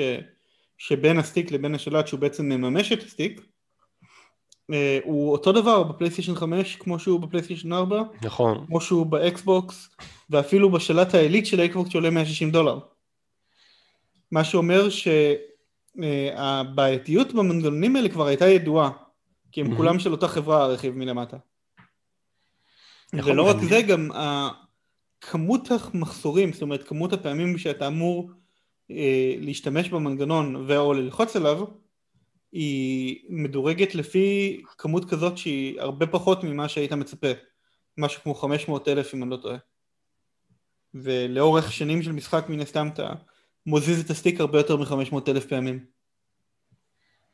אז אה, ככל שאתה משתמש בו יותר, ככה הסיכוי שהמנגנון נשחק הוא יותר גבוה. וספציפית, הנושא של דריפט מגיע ככל הנראה מזה שהמנגנון מאבד את אה, נקודת המרכז שלו, או שהקפיץ שאמור להחזיר את, ה... את האנלוג למרכז, לא מחזיר אותו למרכז. נמתח ואז הוא לא מחזיר אותו עד הסוף למרכז, ואז בעצם נוצר לך אה, dead zone רחב יותר, רק שהשלט לא מכיר בזה כ-dead zone, וצריך לקייל אותו מחדש בהגדרות, לפעמים אפשר לעשות גם את זה. אה, וגם לפעמים פשוט נכנס אבק פנימה, ואז האבק מתיישב והוא מגדיל את ההתנגדות החשמלית והוא משנה את, ה... את הערכים שהפוטנציומטר שיש שם מודד, ואז פתאום זה לא מרגיש נכון. אז כל הדברים האלה יחסית ידועים, ולמרות זאת נראה שסוני לא עשתה מספיק בשביל להילחם בזה, כי כבר עכשיו אחרי פחות מחצי שנה אנשים אה, חוטפים אה, דריפטים בשלטים שלהם. יש ו... כאלה שאומרים שזה ממש out of the box. לא out of the box, אבל שמעתי דיבור על אחרי שבוע, זה היה הכי גרוע mm. שנתקלתי. זה לא קצת מצחיק שהם הוציאו שלט כל כך משוכלל עם haptic feedback, 3D אודיו, אדפטיב טריגרס, ואת הדבר הכי הכי חשוב הם ככה הזניחו. אה, העובדה שגם מייקרוסופט עשו את זה, אז כאילו, כנראה שזה לא מצחיק. מה אני אגיד לך? מה שנקרא, עם טכנולוגיה טובה לא מתעסקים. למה מייקרוסופט מוצאים גם עכשיו שלטים עם בטריות AA ולא עם בטריות נטענות? כי כנראה כן. שזה good enough. את האמת, השלטים שלהם מחזיקים uh, כמעט פי, בין פי שתיים לפי שלוש יותר מהשלט של הפלייסטיישן. אה, כן, כי הוא בנוי לקבל פחות מתח והוא משתמש בפחות מתח. אין שם הרי טאצ'פד, אין שם רמקול, אין שם הרבה דברים שיש בשלב של פלייסטיישן. נכון, נכון, יש, כן, זה גם נקודה. אז okay. אה, אוקיי. כן, בכל מקרה, אה, אותו משרד עורכי דין אסף עדויות ופתח בתביעה, ויכול להיות שאפשר להצטרף אליה בדיעבד אחרי שהיא תצליח ולקבל על זה איזשהו פיצוי. בהינתן שהם באמת יוכיחו משהו. יאללה, נקסט. נקסט לידיעה הבאה. אה, ידיעה מספר 6, מגוון משחקים חדשים מגיע ל-PS5. אז אה, אספתי כמה תתי ידיעות קטנות לגבי משחקים חדשים שהוכרזו ל-PS5. באופן משעשע, השניים הראשונים זה על ידי אה, כך שהם דורגו בפאנל דירוג המשחקים של טיוואן. אז הם לא הוכרזו באופן רשמי, אבל אם דירגו משחק כנראה שהוא קיים ועומד לצאת. אז הראשון זה The Great Ace Attorney Chronicles, שזה על פי דליפה שהייתה בעבר מפריצה גדולה שהייתה לחברת קפקום, זה אוסף של שני משחקים שיצאו במקור לקונסולת ה-3DS ויצאו אחרי זה גם למובייל והם לא הגיעו למערב אף פעם שהם The Great Ace, The Great Ace Attorney 1 ו-The Great Ace Attorney 2 שמה זה בעצם The Great Ace Attorney? זה גרסה אה, של, סדרת, של סדרת המשחקים פיניקס רייט שבה אתה משחק אה, עורך דין הגנה ומנסה להגן על מגוון אה, לקוחות מוזרים מרצח אה, רק שהפעם אתה משחק את אחד מה-ancestors של פיניקס רייט כמה מאות שנים לפני בתקופת שרלוק הולמס ואתה בעצם עוזר לשרלוק הולמס לפתור, פשעים אז זה אמור להיות די נחמד, זה כזה סוג של visual novel עם הרבה מאוד טקסט ועם כל מיני משפטים שאתה צריך לאסוף ראיות ולהציג אותם בזמן הנכון בשביל למצוא כל מיני אה, סתירות. אז אה, זה The Great Ace Attorney Chronicles.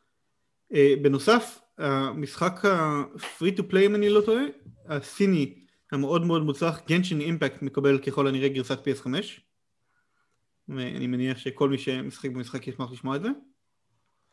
ובהכרזה נפרדת שהיא לא הדלפה משחק האינדי צ'יקורי ה-colorful tale הוכרז ל-PS4 ול-PS5 אבל הם כתבו על השנת יציאה שלו 2020 ו-X כלומר אף אחד לא יודע באיזה שנה הוא יצא כנראה שזה לא השנה, אולי זה יהיה שנה הבאה, אולי לא אבל הוא נראה משחק מעניין עם כזה כלב שיש לו מברשת קסמים והוא מוסיף, מחזיר צבע לעולם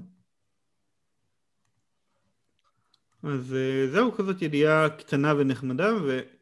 אישית אני מתכוון לשחק ב-The Great Ace, The Great Ace Attorney Chronicles כי אני אוהב את סדרת Ace Attorney. אוהב אה, משחקי כאילו קווסט סלאש מסתורין כאלה? זה לא כל כך משחק quest slash מסתורין כמו שזה uh, זה, זה פשוט visual novel עם אלמנטים של uh, אתה יודע כזה tap to find evidence ואז בזמן, ה, בזמן ה trial אתה צריך לחקור עדים ולמצוא סתירות בראיות שלהם. והכתיבה שם ממש טובה. אוקיי. אז כן, אני אוהב את הסגנון הזה. יש שם גם narration? זה כמו דנגן רונפה, רק עם פחות mini games. יש שם גם narration או שזה נטו טקסט? אה, אני לא יודע לגבי הגרסאות של הדור המודרני, כאילו הרימאסטרים שעשו למשחקים האלה אם יש שם narration, לדעתי לא. זה כנראה רק טקסט. אוקיי, אז כנראה שאני לא אשחק בזה. טקסט. אתה לא אוהב לקרוא בטקסט? לא, זה מייגע. טוב. אז נקסט אה, לידיעה הבאה. ידיעה מספר 7. אה, במסגרת מגפת הקורונה, סוני זורקת לנו עוד כמה משחקים מתנה, כדי שנוכל לשבת בבית, ולא נצא החוצה ונשתולל ונדבק בקורונה וכאלה. אז זה נקרא אה, יוזמת השחק בבית, או play at home, אה, בדומה למה שסוני עשתה בשנה שעברה, אה, כשהיא חילקה את Uncharted Collection ועוד איזה משחק שברח לי, אז הפעם, בחודש מרץ, היא מחלקת לנו בחינם את רצ'ט אנד קלנק ל-PS4, ומנוי לפאנימיישן, איך זה נקרא? כן, פאנימיישן, אמרת נכון. כן, שזה שירות סטרימינג של אנימה, אני חושב שזה המנוי לשלושה חודשים. אה, לא צוין, אך כנראה שבדומה לפעם הקודמת, גם הפעם לא נזדקק למנוי פלוס, אה, על מנת לקבל את המתנות בחינם האלה לנצח נצחים. וסוני, כן, וסוני מוסיפה שזה מבצע שהיא עושה עד ליוני, כלומר, ייתכן שגם חודש הבא אנחנו נקבל עוד משחק. חינם. אה, יאללה, אני אזרום על עוד משחקים חינם, במיוחד שרצ'ט קלנק PS4, כל מי שיש לו PS5 ואת הפלייסטיישן פלוס קולקשן, כבר קיבל אותו בחינם. אז uh, אני אשמח לקבל משחק שלא קיבלתי. כנ"ל, גם אני. אבל uh, נראה לי שאין כל כך הרבה מה לדבר על הידיעה הזאת, כי זה די סלף אקספלנטורי. אני מסכים לגמרי. פנימיישן באופן כללי הם אולפן אנימציה, יותר נכון אולפן לוקליזציה של אנימציה אמריקאי די טוב. הם התחילו גרועים בעבר, אבל הם השתפרו מאוד בשנים האחרונות, אז לא יודע, אני אקווה לטוב. אז next לידיעה מספר 8. סוני מכריזה רשמית על קיומו של הפלייסטיישן VR גרסת דור הבא. טם טם טם. בפוסט רשמי חדש בפלייסטיישן בלוג, סוני אומרים Introducing the next generation of VR on PlayStation. הם אומרים, לא, לא אמרו שם הרבה מאוד uh, מידע קונקרטי עליו, כלומר אנחנו לא יודעים שנת יציאה חוץ מזה שזה לא יקרה ב-2021, mm-hmm. ואנחנו לא יודעים את הספקס המדויקים, אבל מה שאנחנו כן יודעים זה שזה יהיה חוטי, כלומר יהיה מחובר ל-PS5 באמצעות כבל, אבל זה כבל בודד הפעם. כבל בודד. בניגוד לפלייסטיישן VR הקיים שיש לו כבל כפול מתפצל כזה ואז אה, בפנים הוא גם מחובר עם ה-breakout box הזה, ה-processing box אז יחסית קשה לחבר אותו. אה, משהו מעניין זה שלא אמרו האם יהיה צורך במצלמה או לא שזה שינוי די משמעותי מהפלייסטיישן VR הקיים. ומעבר לזה שלא אמרו אם יהיה צורך במצלמה אה, גם הזכירו שהטכנולוגיה של הקסדה החדשה תשתמש, סליחה, גם, גם הקסדה וגם השלט שיהיה איתה זה יהיה שלט חדש לחלוטין והוא ישתמש בטכנולוגיה דומה לדיול סנס. אז אה, נשמע מעניין מאוד. מה נשמע... אתה חושב גילגיל? אמ, אני רוצה שתסביר למאזינים שלנו מה המשמעות של כך, של כאילו, מה המשמעות של זה ש... הקסדה הולכת להיות מחוברת עם כבל אחד בודד. אז אני אסביר, כי הרבה מאוד אנשים, באמת דיברתי איתם על זה, וכולם רצו שזה יהיה אלחוטי. Mm-hmm. אבל הבעיה עם אלחוטי זה שאין היום, נכון לעכשיו, אף תקן שידור אלחוטי שמסוגל אפילו להגיע לקצה של, ה, של הקצה של הקצבים של HDMI. HDMI זה חיבור שהיום מביא עם HDMI 2.1 שזה התקן העדכני 48 ג'יגה ביט לשנייה של מהירות. שזה יותר מ-USB 3 זה יותר מ-USB 3.2 זה יותר מ-USB 4 אפילו שמגיע ל-40 ג'יגה ביט USB 3.2 מגיע ל-10 ג'יגה ביט USB 4 מגיע ל-40 ג'יגה ביט אבל זה עדיין יותר משניהם ושלא לדבר על זה שזה בערך פי 10 מכל התקנים האלחוטיים הקיימים פרט לתקנים לשידור ישיר כמו וייגיג אה, של 60 ג'יגרץ שעבדתי איתו אה, בחברת סטארט-אפ בנושא לפני כמה שנים אבל הבעיה עם וייגיג שוייגיג הוא לא חודר עצמים כמו שצריך. כן, הוא קו ישיר. זה דורש אה, קו ישיר של ראייה עם איזשהו קרן בלתי נראית שמתאימה את עצמה בזמן אמת וכשאתה מדבר על מוצר שזז בלי הפסקה זה לא באמת עובד עם זה. אז אין היום טכנולוגיה שמאפשרת קצב מספיק מהיר. אז מה עושים? עושים את ה-next best thing, שזה כבל אחד במקום הרבה כבלים, mm-hmm. ובהינתן זה שאנחנו יודעים איזה חיבורים יש ב-PS5, כנראה שזה ישתמש במהיר ביותר מביניהם, שזה יהיה או ה-USB-C סופר ספיד שיש מקדימה, או שיכול להיות שזה יהיה איזשהו pass-through ל-HDMI, אבל אני חושב שזה לא יהיה pass-through ל-HDMI, אני חושב שזה יהיה דרך ה-USB-C. כן, זה לא יהיה מהסיבה הפשוטה ש-HDMI לא נותן מתח החוצה. והדבר הזה על אה, בטוח לא יצטרך חשמל. מתח, יכול להיות שיש אה, סוללה ניתנת בתוך הקסדה. אני קשה לי להאמין. יודע מה, אולי. נשים את זה על פלוז. אבל כן, אתה צודק שהתרחיש הסביר ביותר זה כבל שיודע לתת גם מתח וגם דאטה. מסוכך בצורה מיוחדת והוא איכותי במיוחד ומתחבר ל-USB-C מקדימה של המכשיר. כן, עכשיו שאני חושב על זה, זה יהיה קצת מגוחך שזה יהיה גם מחובר בכבל וגם זה יצטרך סוללות. לא, יכול להיות שיש לו סוללה נטענת, שכשאתה לא משתמש בו, אתה שם אותו על איזשהו עמדת טעינה, או מחבר אותו לאיזשהו USB-C ונותן לו לטען. אבל אה, כן, כנראה שזה יהיה כבל אחד שעושה גם וגם. אה, ומה שזה אומר אגב, שכנראה שאנחנו נצטרך להתמודד עם ההגבלת דאטה הזאת של ה-10 ג'יגה ביט, וכנראה שיש שם איזשהו קומפרשן על הוידאו. כי אחרת אי אפשר להעביר 4K 120 הרץ.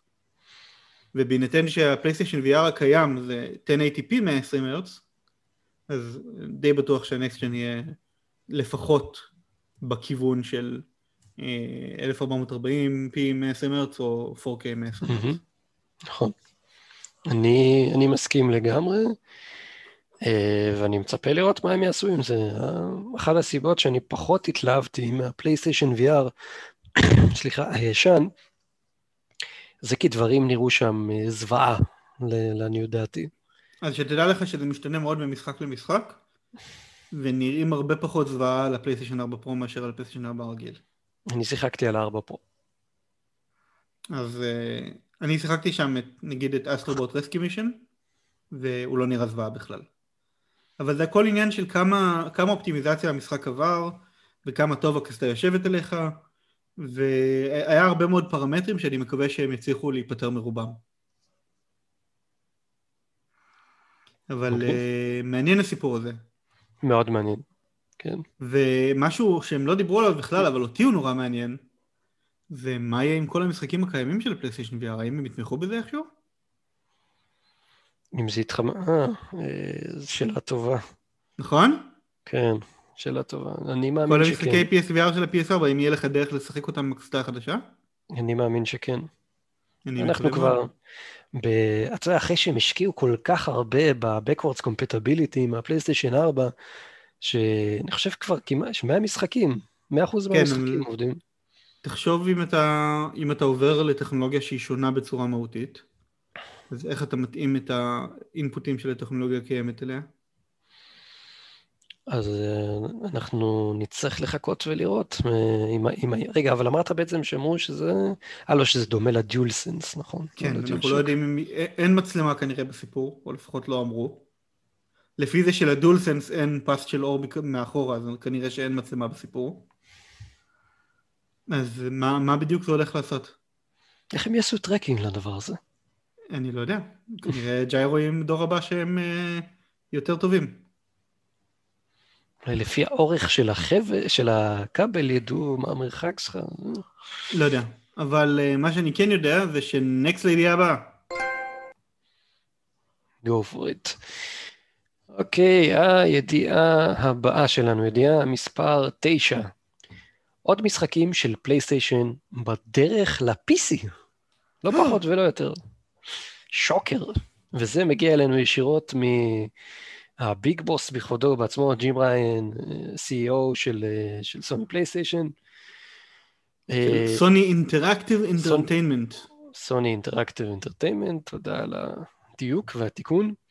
לפני זה היה לנו את סוני, את סליחה, את הורייזון זירו דון, כזכור, ועכשיו גם Days Gone בדרך לקונסולות זרות, נקרא לזה. לשדות זרים. כן. תן לי ליאור עם ה... אפילו כבר עלה לאוויר העמוד הסטים שלו. וואלה, נכון. העמוד, אה, עמוד סטים של המשחק כבר עלה לאוויר, מצוין שם על תמיכה במסכי אולטרה ווייד ופריימט לא נעול. אה, ותגיד לי, ליאור, אה, מה קורה שם בסוני? אם האוכל בא תיאבון? כנראה שכן, תראה, הם עשו ניסוי עם הורייזן זירו דון. הניסוי הצליח. כי הרבה אנשים קנו אותו כנראה. והנה החלק הבא בניסוי. אנחנו לא הולכים לראות עכשיו לדעתי משחקים שיוצאים באותו יום ל-PS5 ול-PC. אני גם חושב כך. אבל uh, באיחור של שנה-שנתיים, איזה סיבה יש להם לא לעשות את זה? אתה חושב ש... כאילו, ג'ים ריין אומר שם שזה הראשון מתוך רבים, סוג של... אה, הוא אומר שיהיו עוד כמה וכמה משחקים שיגיעו אה, ל-PC, Days Gone זה השלוחה הראשונה. אה, אתה חושב שהגיע מצב מעריצי פלייסיישן יקימו צעקה ויגידו, אנחנו זורקים את השלטים, מה זה הדבר הזה? בשביל מה קנינו פלייסיישן? זה לא, זה לא פוגע במעריצי פלייסיישן. זה לא פוגע באף אחד האמת. במי זה פוגע הדבר הזה? זה פוגע רק, אתה יודע, בכבוד העצמי. תגיד לי, מייקרוסופט הוציאו אי פעם בשנים האחרונות משחק שלא יצא ל-PC? שיצא, אתה מתכוון רק לאקסבוקס? כן. התשובה היא לא. אה, כבר איזה 6 או 7 שנים, כן, כל משחקי האקסבוקס 1, כולל Gears of War, כולל הכל, יוצאים day and date ל-PC ול-Xbox 1. אני חושב ש Gears of War 3 לא הגיע ל-PC. Gears of War 3, אני יכול לבדוק אותך. מאיזה שנה זה בכלל Gears of War 3? עברו שנים, נקרא לזה ככה. זה בכלל האקסבוקס 1? בוא נראה. 2011 אתה מדבר איתי. זה מה שהיה זכור לי. platform אקסבוקס 360. והוא כן נמצא ב-PC. הוא כן נמצא? כן. אבל בוויקיפדיה רשום רק אקסבוקס 360. אני רואה בגוגל, Gears of War 3 PC, תוצאה הראשונה, סרטון ביוטיוב, Gears of War 3 upgraded, now playable at 60 FPS on PC. אוקיי, אז שכחי מזה ג'ודי, זה משום הדבר היחידי שעלה לי לראש. אולי היה איזה סוג של הילו אחד שלא הגיע? יכול להיות. אה, לא יודע, אבל אה, תשמע, מה, מה, ש, מה שאני מכיר זה שמתקופת האקסבוקס 1, באופן גורף, כל המשחקים של מייקרוסופט יוצאים day and date ל-PC. אז מה כבר סוני תפסיד בזה שהיא תיתן כמה משחקים משנים שלה ל-PC גם? אז סוני על בטוח לא תפסיד, סוני להפך זה... מה, מה יש לנו בתור מעריצים לכעוס על סוני על זה? אם אתה, אם עכשיו... יכול להיות שמדובר אגב על אמולטור, יכול להיות שאני טועה. אוקיי. אבל לא משנה, נו, זה משחק מ-2011, זה מלפני תקופת האקסבוקס 1, אני מדבר איתכם מתקופת האקסבוקס 1 ואילך. אם סוני עכשיו מוציאה את כל הכותרים הכי גדולים שלה, גם לפלייסטיישן וגם ל-PC, זה לא כזה קצת יצבוט אותך מבפנים? אם זה יהיה במקביל, באותו כן. יום, כן, זה יפריע לי. אבל אם זה יהיה בהפרש של שנה, שנתיים? אה, רגע, אבל למה זה יפריע לך? מה אכפת לך? שיוציאו גם ל-PC. זה יפריע שזה יצא ל-PC במקביל, כי אז זה כבר, זה מוריד מהייחודיות של הקונסולה. אני מסכים. אם הקונסולה היא לא המקום הטוב ביותר לשחק פה את המשחקים של צד א' של סוני, אז בשביל מה לי לקנות בכלל קונסולה? כאילו, אני לא אגיד את זה כי אני שחקן של קונסולות, כן? אבל לצורך העניין מישהו אחר יכול להגיד את זה. כן. למה לי לקנות את זה, למה לקנות פלייסטיישן אם אני יכול לשחק את אותם משחקים במחשב? אבל אם אתה לא יכול לשחק את אותם משחקים במחשב, אלא אתה צריך לחכות ולחכות ולחכות, אז זה כבר לא כזה משנה. בתור שחקן אה, PC בעבר, ששיחק לא מעט, ומי שהיה כאילו PC Master Race וכל השיט הזה all the way, אה, אני מאמין שהיום, כן, אם משהו היה יוצא במקביל, אני חושב שה... שהייתי די, די מהר מוכר את הפלייסטיישן 5 שלי. עכשיו בוא נשאל אותך את שאלת השאלות, למה דווקא Days Gone אתה יודע? אני מנחש שבגלל הדרך שבה הוא בנוי והמנוע הגרפי שהוא משתמש בו, שהוא כבר, כבר עושה שימוש ב... אתה יודע איזה מנוע גרפי הוא? אפשר לעצמי שזה זה Unreal Engine כלשהו. יפ, זה Unreal Engine 4. זה הסיבה. אוקיי, אז בטח היה הכי קל לעשות לו פורט. כן, אכן כך. יפה להם, אבל שזה רץ על Engine. לא, לא האמת שאני כמעט ואהיה מופתע אם לא קיים כבר גרסת PC שלו פנימית אצל סוני בן שלו שוחרר אף פעם. כי כאילו מפתחים על PC, מן הסתם. נכון. תכלס, כן, אוקיי. אה, זו נקודה, זו נקודה יפה. כאילו, מעניין, מעניין מה זה אומר על משחקים עם אה, מנועים proprietary, סתם דוגמה כמו ספיידרמן, כמו God of War. שהם כנראה לא יגיעו ל-PC. יש מצב. טוב, נראה לי שזה די מסכם את הידיעה הזאת. אה, כן. אז next לידיעה הבאה, ידיעה מספר 10. ידיעה קצת עצובה. אה, סוני סוגרת את אה, האולפן פלייסטיישן ג'פן סטודיוס.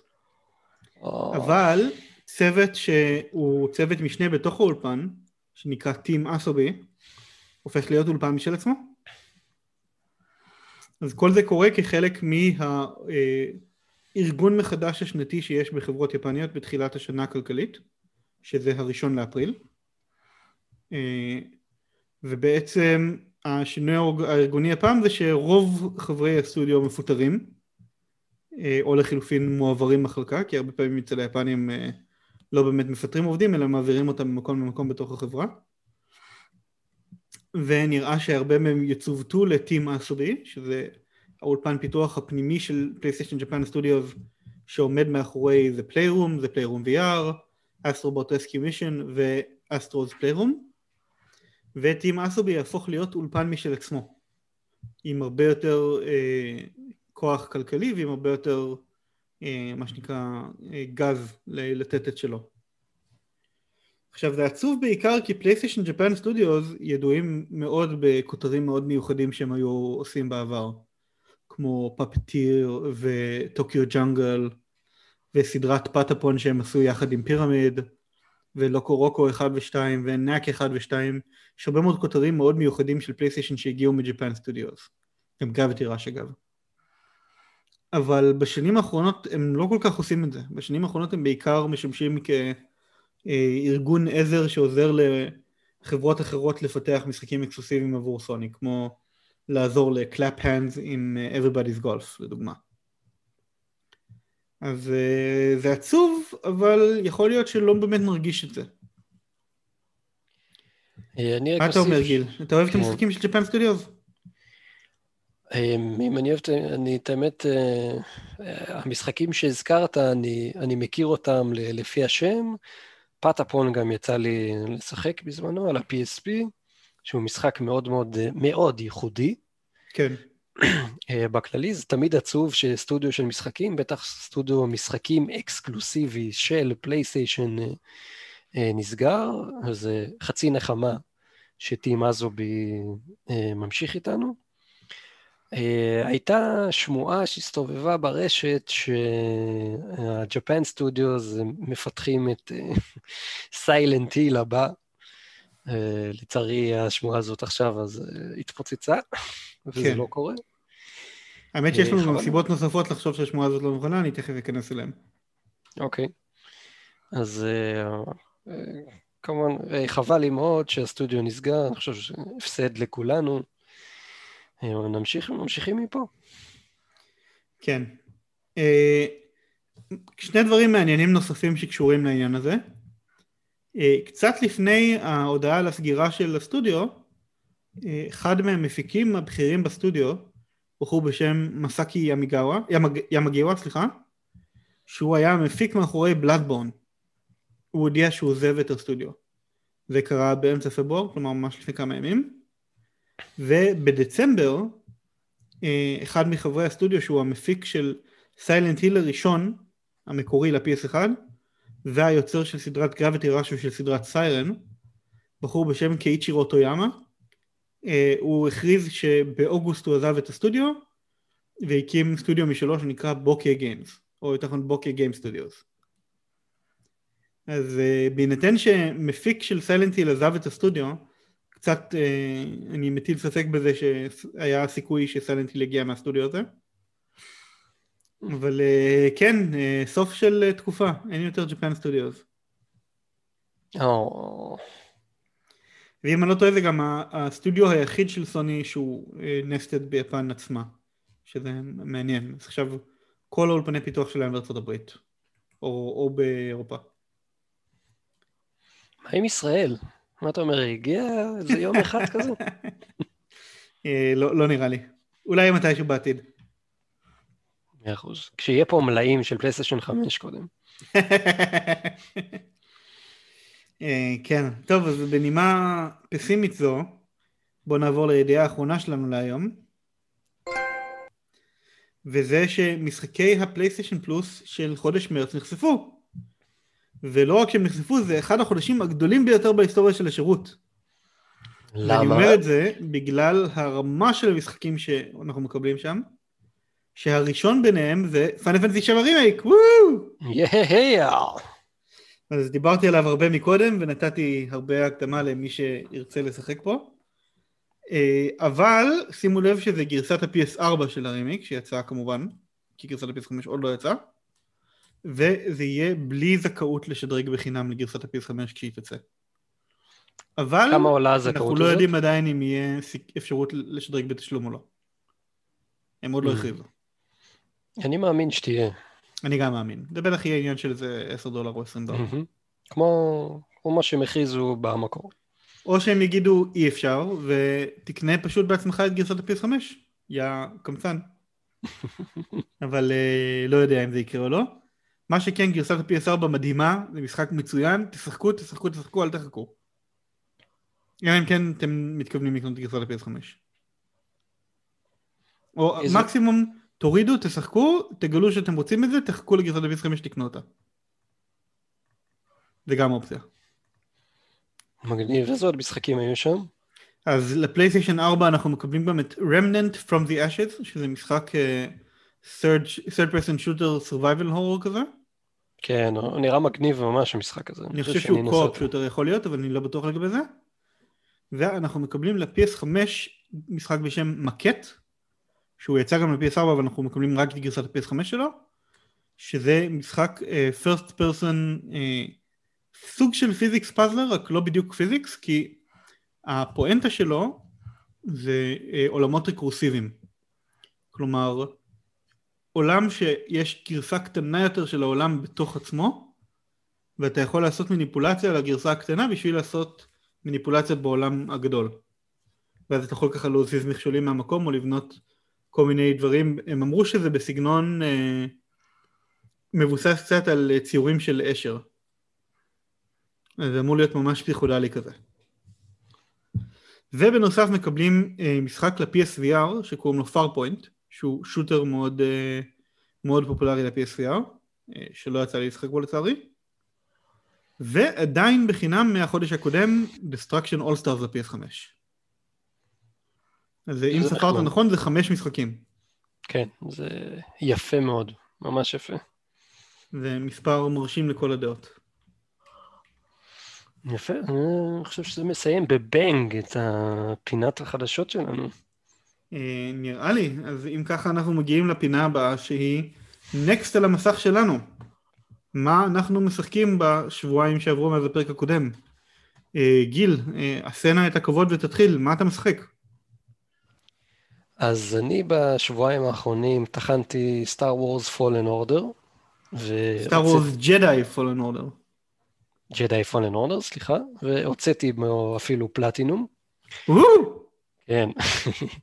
ואני רוצה לציין אה, שני דברים. אה, אחד, בתור משחק, זה משחק ממש ממש כיף ומהנה. אה, במיוחד אם אתם groupies של, של Star Wars, כל הלור של, של Star Wars נמצא שם בשפע, עם ה star troopers וה... Wookiees וה lightsabers, ששוב פעם את הצליל של ה lightsaber, אני יכול לשמוע אותו באמת אלף פעם, רצוף אחד זשו הזה, כן? כן. זה לא נמאס. אה, סיפור מצוין, אה, משחק, סטאר וורס, כמו שצריך, באמת. התחברת לסגנון המטרואידבניה סולס לייק? אה, פ- קצת פחות. הבעיה, כן. לא אוקיי. הייתה, לא הייתה לי בעיה עם זה שהאויבים עושים ריספון, כן הייתה לי בעיה נוראית עם זה, שאין במשחק אפשרות אה, אה, לעשות פסט טראבל מנקודה לנקודה. כן, זה קצת, והשם- אה, קצת גרוע, הם היו צריכים לעשות פאסט טראבל בינם נקודות מדיטציה. זה היה איום ונורא. תקשיב, יש שם מפות עצומות, עצומות. אני יודע, אני שיחקתי משחק, אני אומנם לא סיימתי אותו, אבל שיחקתי בו, הוא אכן אה, מפות גדולות מאוד. ובקיצור, אחרי... אבל הדבר נראה לי שנחמה אחת לגבי זה, זה שלפחות אה, אה, קהל אה, קסטס אה, זז די מהר, הוא לא דמות שהולכת לאט. הוא זז די מהר, כן, אבל עדיין, זה, תקשיב, זה לוקח זמן. הפלטינום שם, הוא היה באמת מייגע. כן, מה אה, היה כל כך קשה בו? זה לא בעיקר אה, לעשות 100% קולקטבלס בכל העולמות? כן, זה בדיוק העניין, זה לא היה קשה, זה היה מייגע שזה היה מתיש אותך. שאתה צריך עכשיו לעבור את כל השלב, דברים שפספסת וזה, ואחר כך לחזור עוד הפעם אחורה. אם כאילו הגעת מקצה אחד לקצה השני, אז עכשיו אתה צריך לחזור אחורה לנקודה הראשונה, איפה שהחללית שלך נמצאת, אה, ואז לטוס לכוכב אחר. ואז גם שמה לעשות אותו דבר. וזה פשוט מתיש, כי אתה צריך לעבור שוב פעם אה, את, את הכל. אה, ועוד בעיה, כן, עוד בעיה נוראית שיש במשחק הזה, זה המפות שלו, שהם כזה בנויים בצורה תלת-מימדית כזאת, מתחכמת אחד על השני. כן, סגנון מטרואיד, וגם מטרואיד היה ככה. מטרואיד פריים כאילו. ממש ממש לא אהבתי את זה באמת. כן? אם היה שם איזה מצפן... אבל אין דרך טובה יותר לייצג מפות תלת-מימדיות, מה לעשות? אם היה שם איזה מצפן, גם משהו שמראה לך את הכיוון של החללית. אתה אומר לא היה מספיק אינטואיטיבי בעיניך. לא, הם אה, היו יכולים לעשות שם משהו יותר טוב. אה, וחוץ מזה, אה, שיחקתי את Astro Bot, סוף סוף. Astro's Playroom, אתה מתכוון. Astro's Playroom. נו, יש פלטיניום? אין עדיין, אוטוטו אני שם. מגניב. אוטוטו אני שם. זהו, אתה הפכת להיות צייד גביעים, סופית. תקשיב, השימוש שהמשחק הזה עושה בשלט, איך שהוא עושה את זה, עם הקוף ועם החללית, זה אדיר. אין מה להגיד, זה אדיר. והיה שם גם איזה אלמנט אחד שהם הצליחו אה, לעשות משחק שלם רק עם ה touchpad, אני לא ראיתי את זה בשום מקום, וזה עבד פיקס. עם ה... אתה מדבר על הכדור המתגלגל. עם הכדור המתגלגל, וואו, עשה מגניב, כן. ממש נהניתי. יפה. אני מקווה שהם יוציאו איזה משחק אחד מלא גדול יותר באמת במשך הדרך. אז אה, נוגיל, אתה מתקדם בצעדי ענק לדרגה 300, ל silver tier. go for it, תהיה צייד גביעים טוב. אני לאט לאט, אני חושב כאילו, כן. מה, אני רואה שעוד לא סנכרנת אפילו את הפלטינים של Fallen Order ל-PSN, אז אה, מה אתה מחכה? זה לא יסתנכרן לבד? מה זה הקקה? לא, אתה צריך ללחוץ על המסך trophies ב-PS5 שיש את סנכרן. אני צריך ללחוץ על כפתור סינכרון, או רק להיכנס? לא, להיכנס למסך trophies. אבל אני נכנסתי ויצאתי ממנו איזה סינכרון. למרות שיכול להיות שזה פשוט ש PlayStation Profiles לא מסונכרן. תן לי שתי שניות ואני אסנכרן אותך. בוא נבדוק את זה, יכול להיות שזה רק PSN Profiles.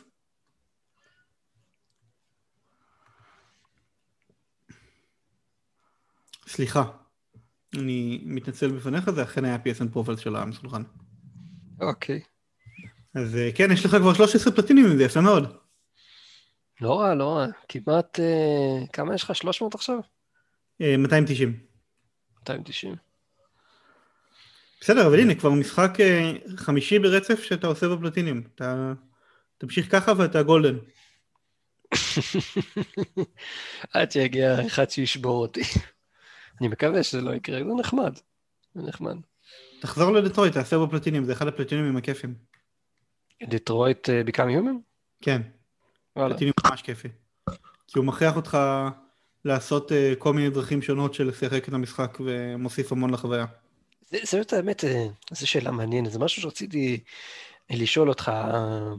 משחקים שאני יצא לי לעשות בהם פלטינומים, הפלט, הפלטינום בדרך כלל היה בין מייגע למתיש. יש משחקים שהגביעים, כאילו מאחד ועד האחרון, שהם כיפים? Astro's Playroom לדוגמה. וואלה. Astro's Playroom platinum ממש קל. כמעט כל מי שמשחק בו עושה בו פלטיניום, עד כדי כך. כאילו, 65% מהשחקנים ב- PSN Profiles ששיחקו במשחק עשו בו פלטיניום, ו-47% מהשחקנים ששיחקו בו גלובלי עשו בו פלטיניום. לא, סליחה, 8.3% מהשחקנים ששיחקו בו גלובלי. אבל זה עדיין כאילו, זה מראה לך שזה משחק שקל מאוד לעשות בפלטינים. זה נשמע ככה, 65 אחוז, מה זה, אחוז ממש גבוה. כן. מגניב. תגיד לי, ליאור, מה אתה שיחקת השבוע? אז אה, באופן אה, מפתיע ונורא נורא חדשותי, אני שיחקתי אססנס קריב על הלאה.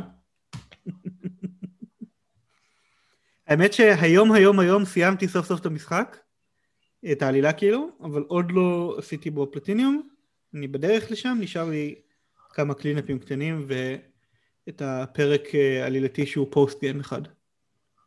אז אני קרוב לשם אבל אני עוד לא שם, אני מניח שמחר אני כנראה אקבל בפלטיניום או במהלך השבוע הקרוב. אוקיי.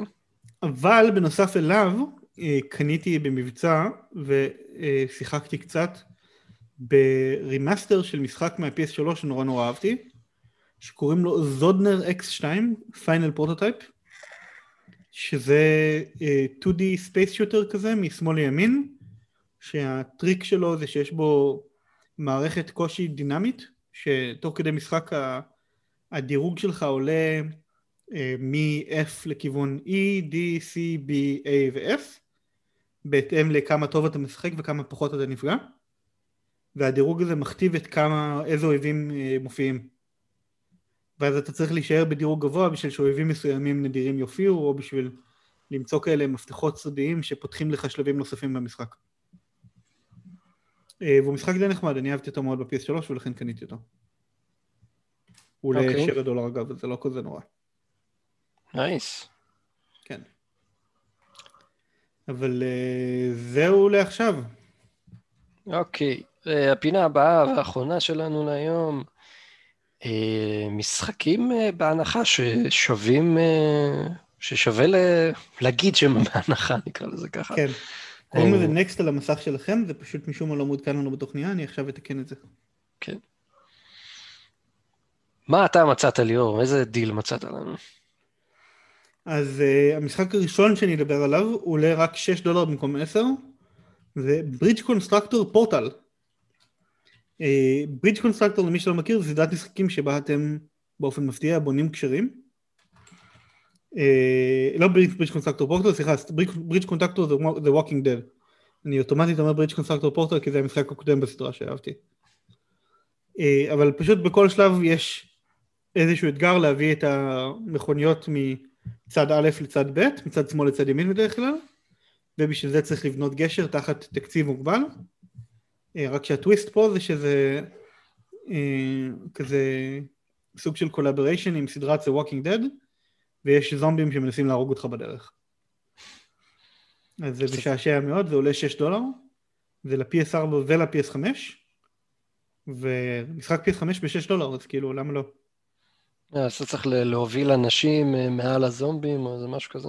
אתה בונה גשר ואז מריץ מכוניות על הגשר וצריך שהמכוניות גם, גם יגיעו לצד השני וגם לא יתנגשו בזומבים.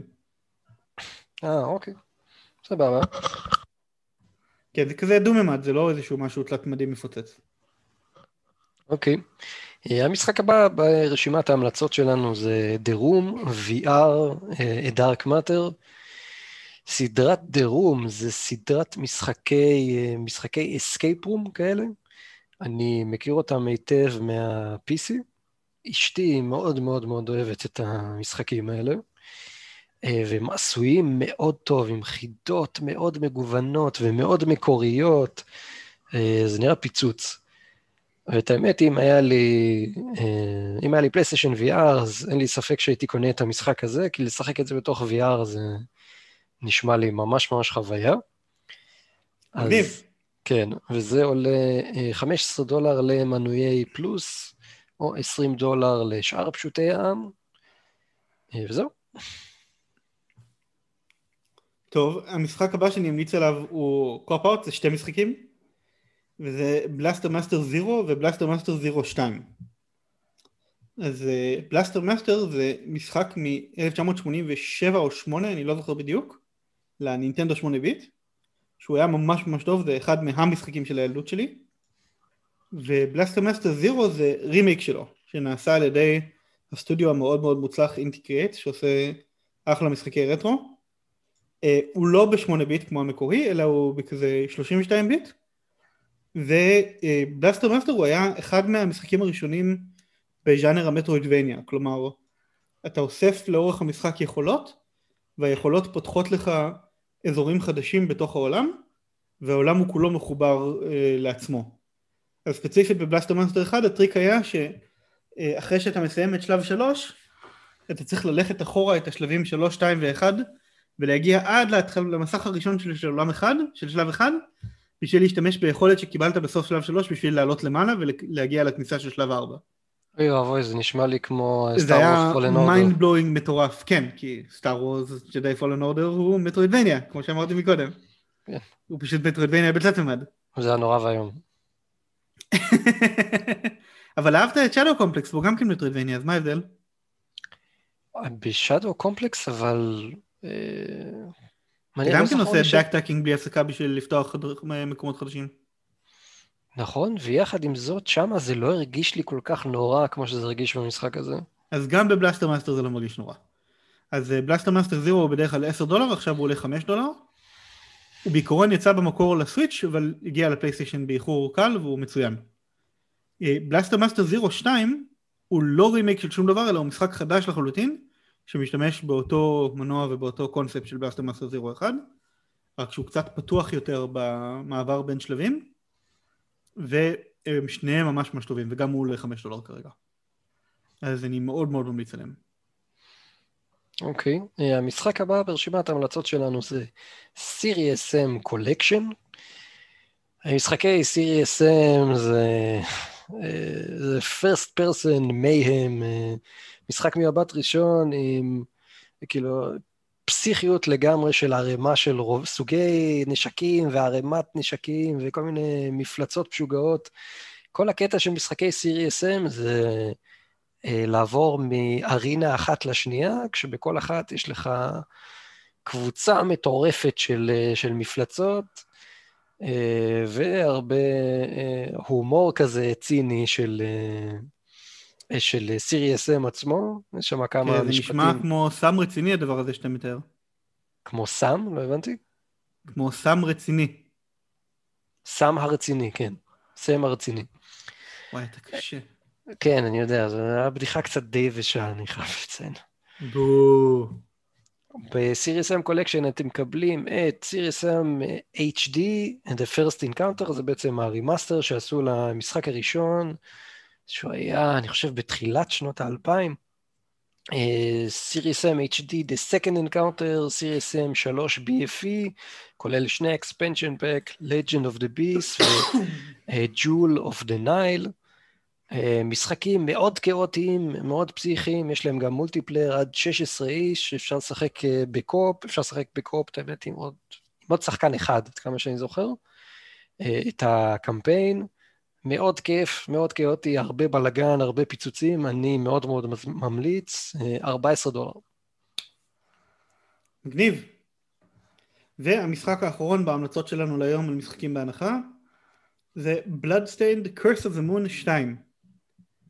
אז uh, Bloodstained זה סוג של משחק מטרוידבניה גם כן, שהוא uh, בעצם גלגול מחדש של קסלווניה, רק לא תחת השם קסלווניה, שהוא מגיע מהיוצר של קסלווניה סימפוני the Night, uh, בחור בשם קוג'י גראשי.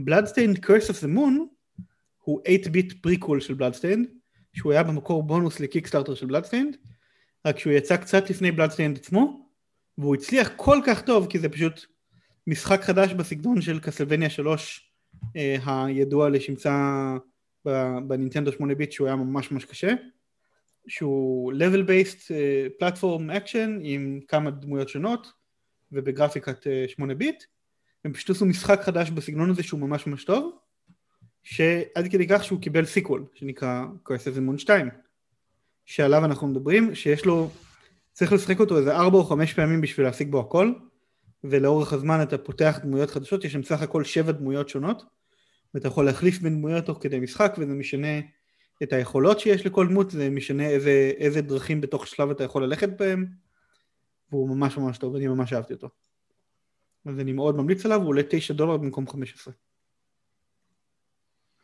יפה מאוד. ובנוסף יש לנו מיני פינה בתוך נקסט על המסך שלכם על משחקים חדשים שיצאו לאחרונה ששווים ציון כשאני אומר לאחרונה הכוונה מאז הפרק הקודם.